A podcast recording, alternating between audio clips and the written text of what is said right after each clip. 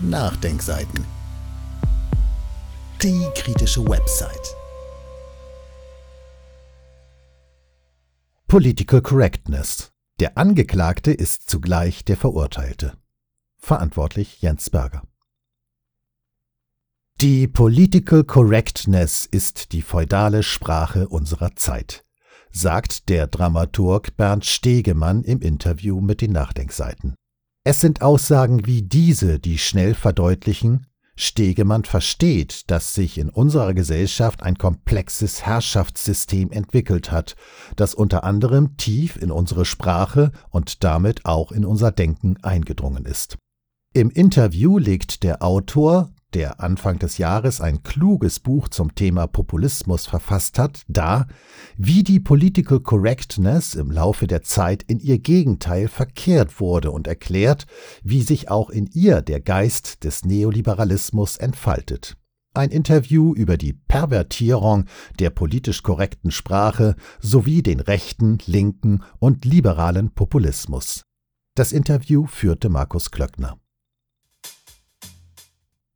Herr Stegemann, in Ihrem Buch zum Thema Populismus zeichnen Sie ein geradezu katastrophales Bild unserer Gesellschaft. Sie schreiben, Zitat, wir alle sind gerade Zeugen, wie die offene Gesellschaft sich mit ihren paradoxen Sprachspielen, hyperkritischen Diskursen und gut verschleierten Privilegien selbst zerstört und wie die Rechtspopulisten hierbei gewaltig mithelfen. Zitat Ende.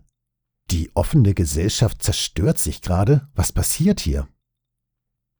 Schaut man auf die größeren historischen Entwicklungen des Liberalismus, so ist zu erkennen, dass seine fortschrittlichen Gedanken inzwischen immer deutlicher in ihr Gegenteil umschlagen.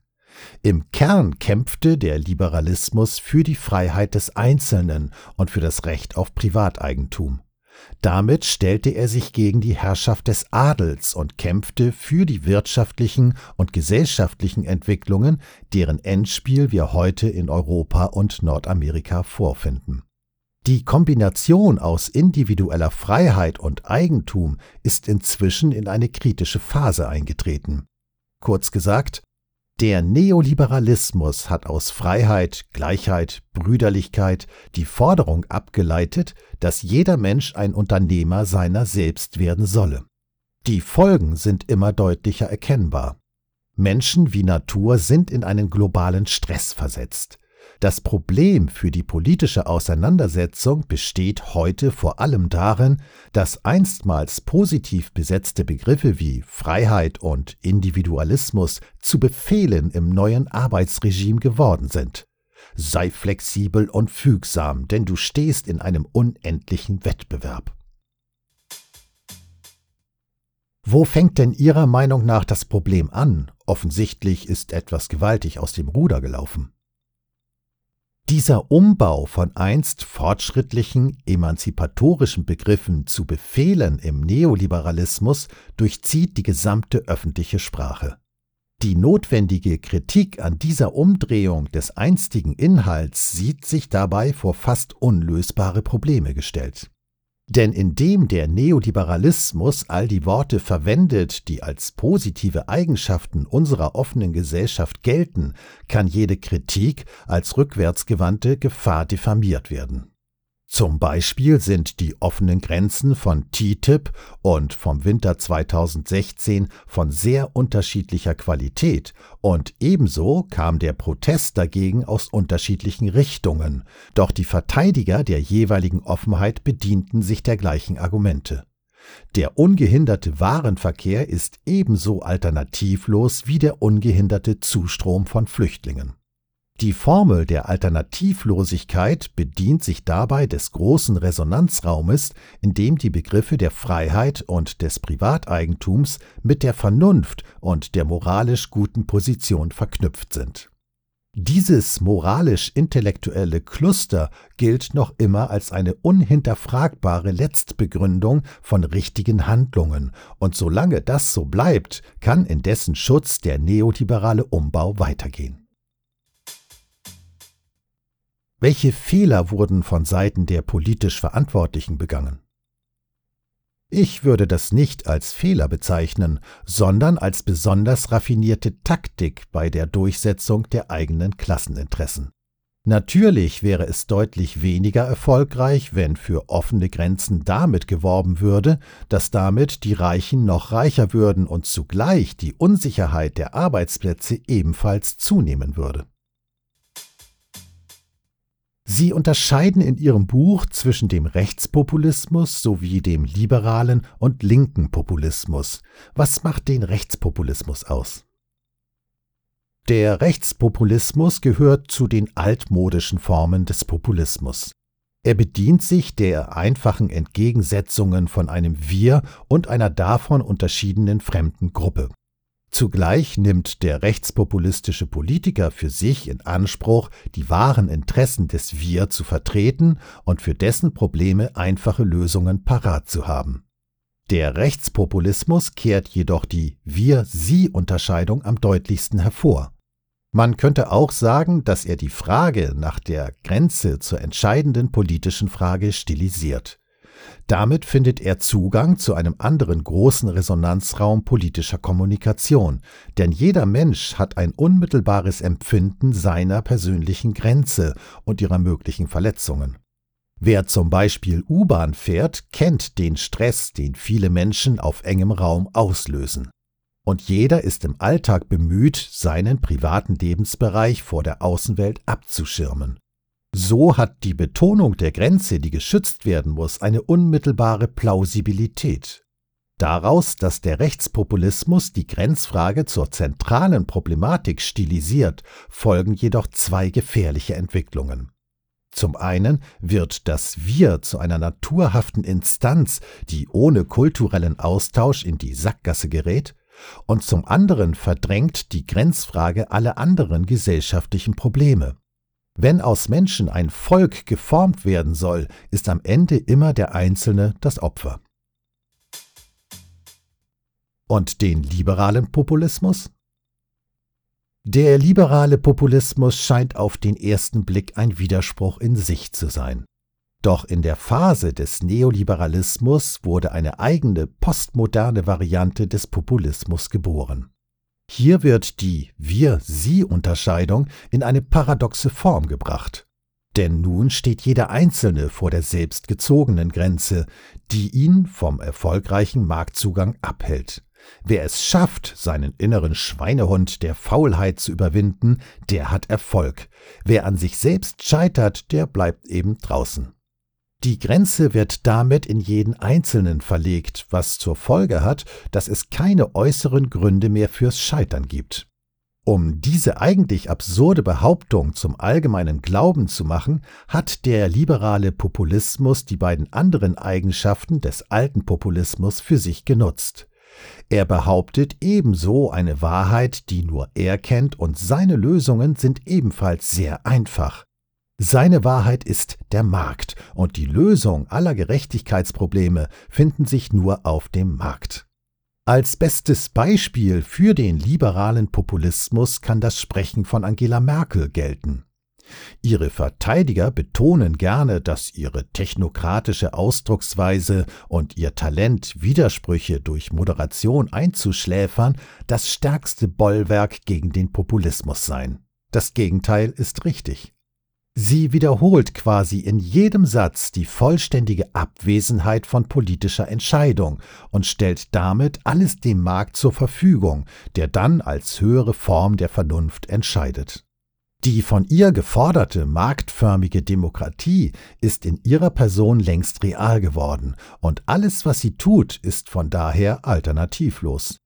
Denn im Weltbild des Neoliberalismus gibt es keine Alternative zur Wahrheit des Marktes. Der liberale Populismus ist also die zeitgemäße Form, wie die Klasseninteressen des Kapitals so in der Öffentlichkeit kommuniziert werden, dass niemand merkt, wie hier Klasseninteressen durchgesetzt werden. Der liberale Populismus wirkt also gerade dadurch, dass er jede politische Wirkung vermeidet denn er weiß, dass nur dann die Kräfte des Marktes, bei denen immer der Stärkere gewinnt, am besten zum Tragen kommen. Dann noch zum Linkspopulismus. Der Linkspopulismus hat leider keine entsprechende Form gefunden, um dem raffinierten liberalen Populismus etwas entgegensetzen zu können. Alle erfolgreichen Versuche des Linkspopulismus haben in südamerikanischen Staaten stattgefunden, die deutlich einfacher strukturiert waren.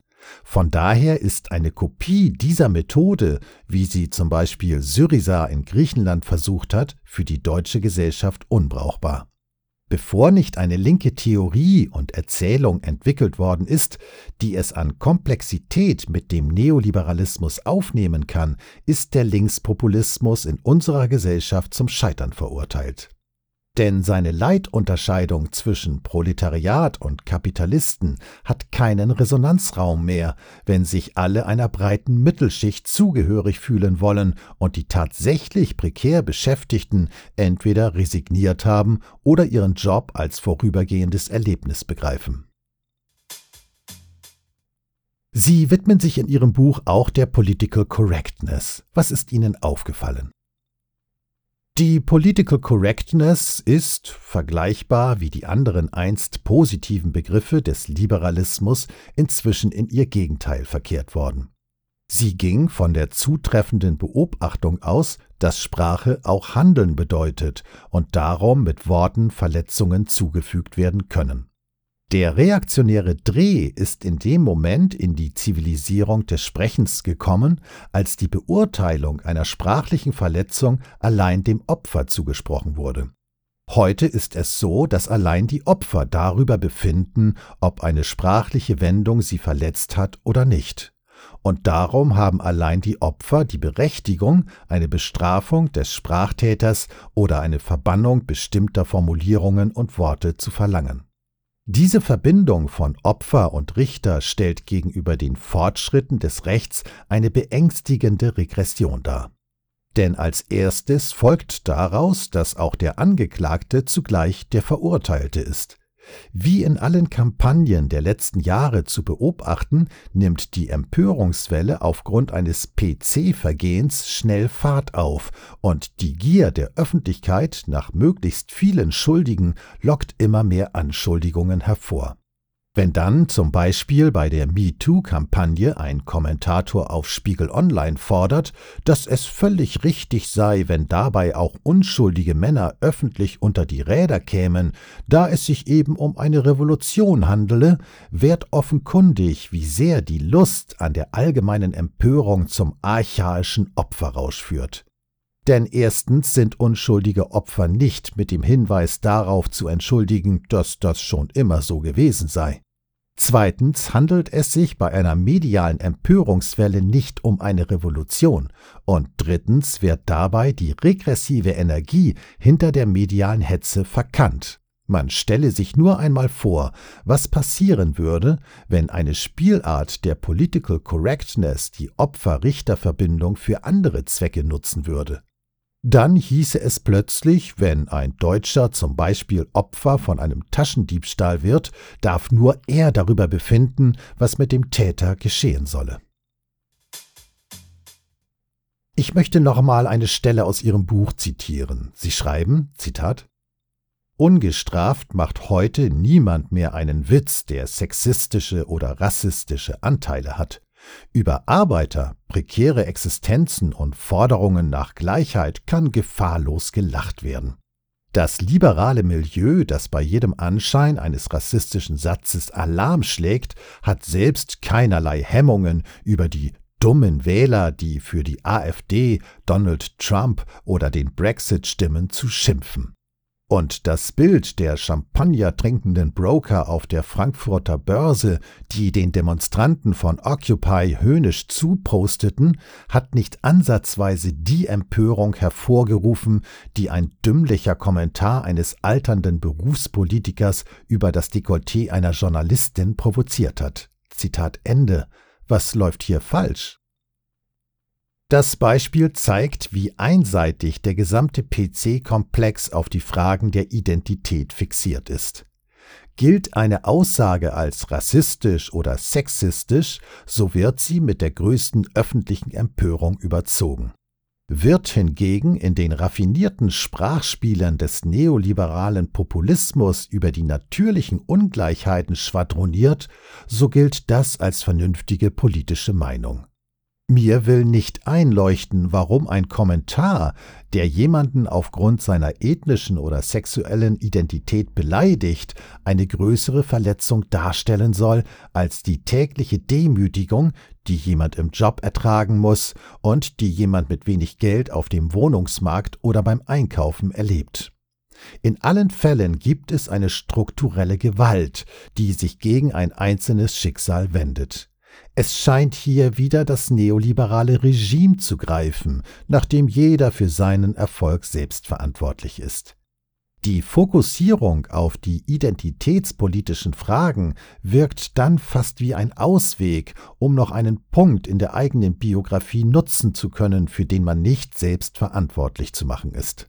Und aus diesem Punkt heraus wird dann der gesamte politische Protest formuliert.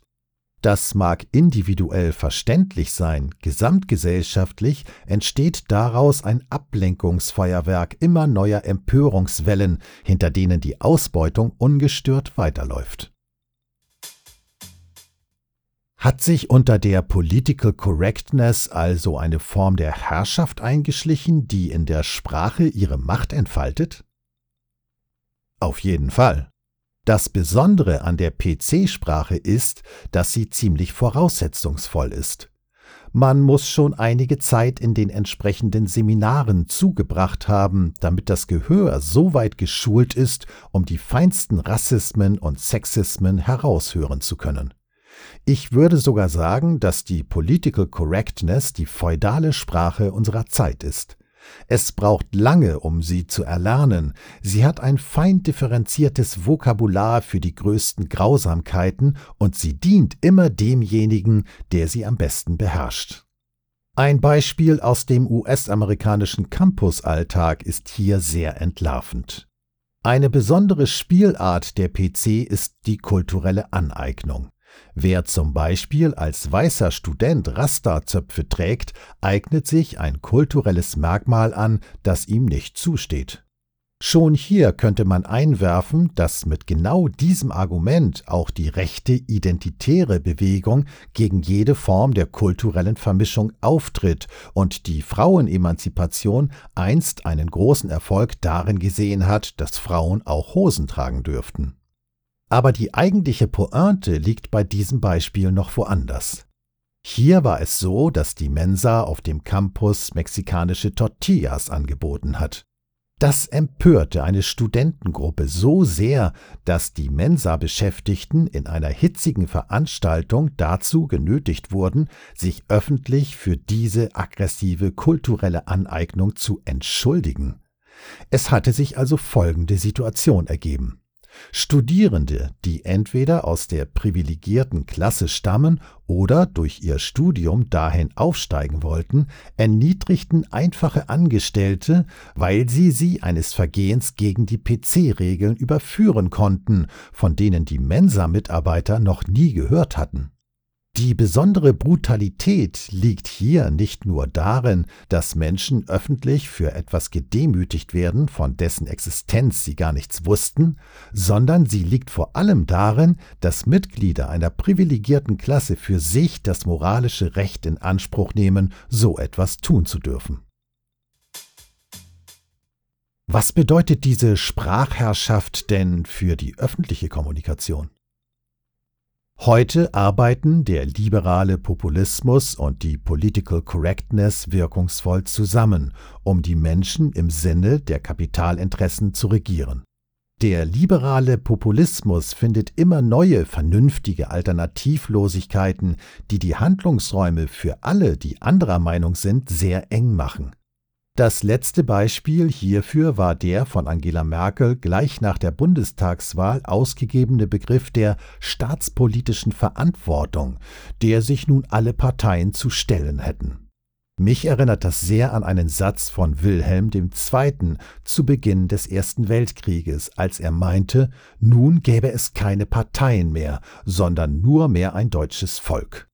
Denn staatspolitische Verantwortung bedeutet doch nichts anderes, als dass die Parteien nun ihre Differenzen einpacken können, um alle gemeinsam mit der CDU-Kanzlerin den Weg der Vernunft einzuschlagen. Die Political Correctness übernimmt in dieser Sprachherrschaft den Part der moralischen Überwachung. Denn nicht alle Lebensbereiche lassen sich gleich gut mit dem neoliberalen Dogma der Marktlogik regieren. Die Fragen der Identitätspolitik versuchen sich gerade dieser Logik zu entziehen und benötigen daher eine besondere Aufmerksamkeit. Deren Überwachung übernimmt dann die feinere Technik der PC. Zugleich stellt sie die Waffe der Empörung bereit, mit der jede Kritik an der alternativlosen Vernunft als reaktionär oder rassistisch aus dem öffentlichen Raum verbannt werden kann. Wie können sich Menschen gegen diese Form der sprachlichen Unterdrückung wehren? Das scheint ja alles andere als einfach. Es braucht vergleichbar der liberalen Aufklärung eine neue Aufklärung, die die Machtverhältnisse im Neoliberalismus und seine Machttechniken offenlegt. Das ist eine Herkulesaufgabe, da heute sowohl die materiellen Kräfteverhältnisse immer ungleicher geworden sind, nach einer jüngsten Untersuchung der Gruppe um Piketty ist in Deutschland die Ungleichverteilung der Vermögen wieder so groß wie 1913 und zum anderen ist die Technik der kommunikativen Macht ungleich höher entwickelt als wohl jemals zuvor. Es muss eine zweite Aufklärung kommen, doch woher sie diesmal kommt, kann ich noch nicht erkennen. Lesetipp Stegemann Bernd Das Gespenst des Populismus Ein Essay zur politischen Dramaturgie Verlag Theater der Zeit Januar 2017 Dieses Audio konnte nur entstehen, weil zahlreiche Leserinnen und Leser die Nachdenkseiten fördern und durch Spenden unterstützen. Wenn Sie auch etwas tun wollen, klicken Sie einfach den entsprechenden Button auf unserer Website an. Übrigens, Sie können uns auch bei iTunes und SoundCloud hören und wenn Sie mögen, dort eine positive Bewertung für uns abgeben. Wir freuen uns über jede Hilfe.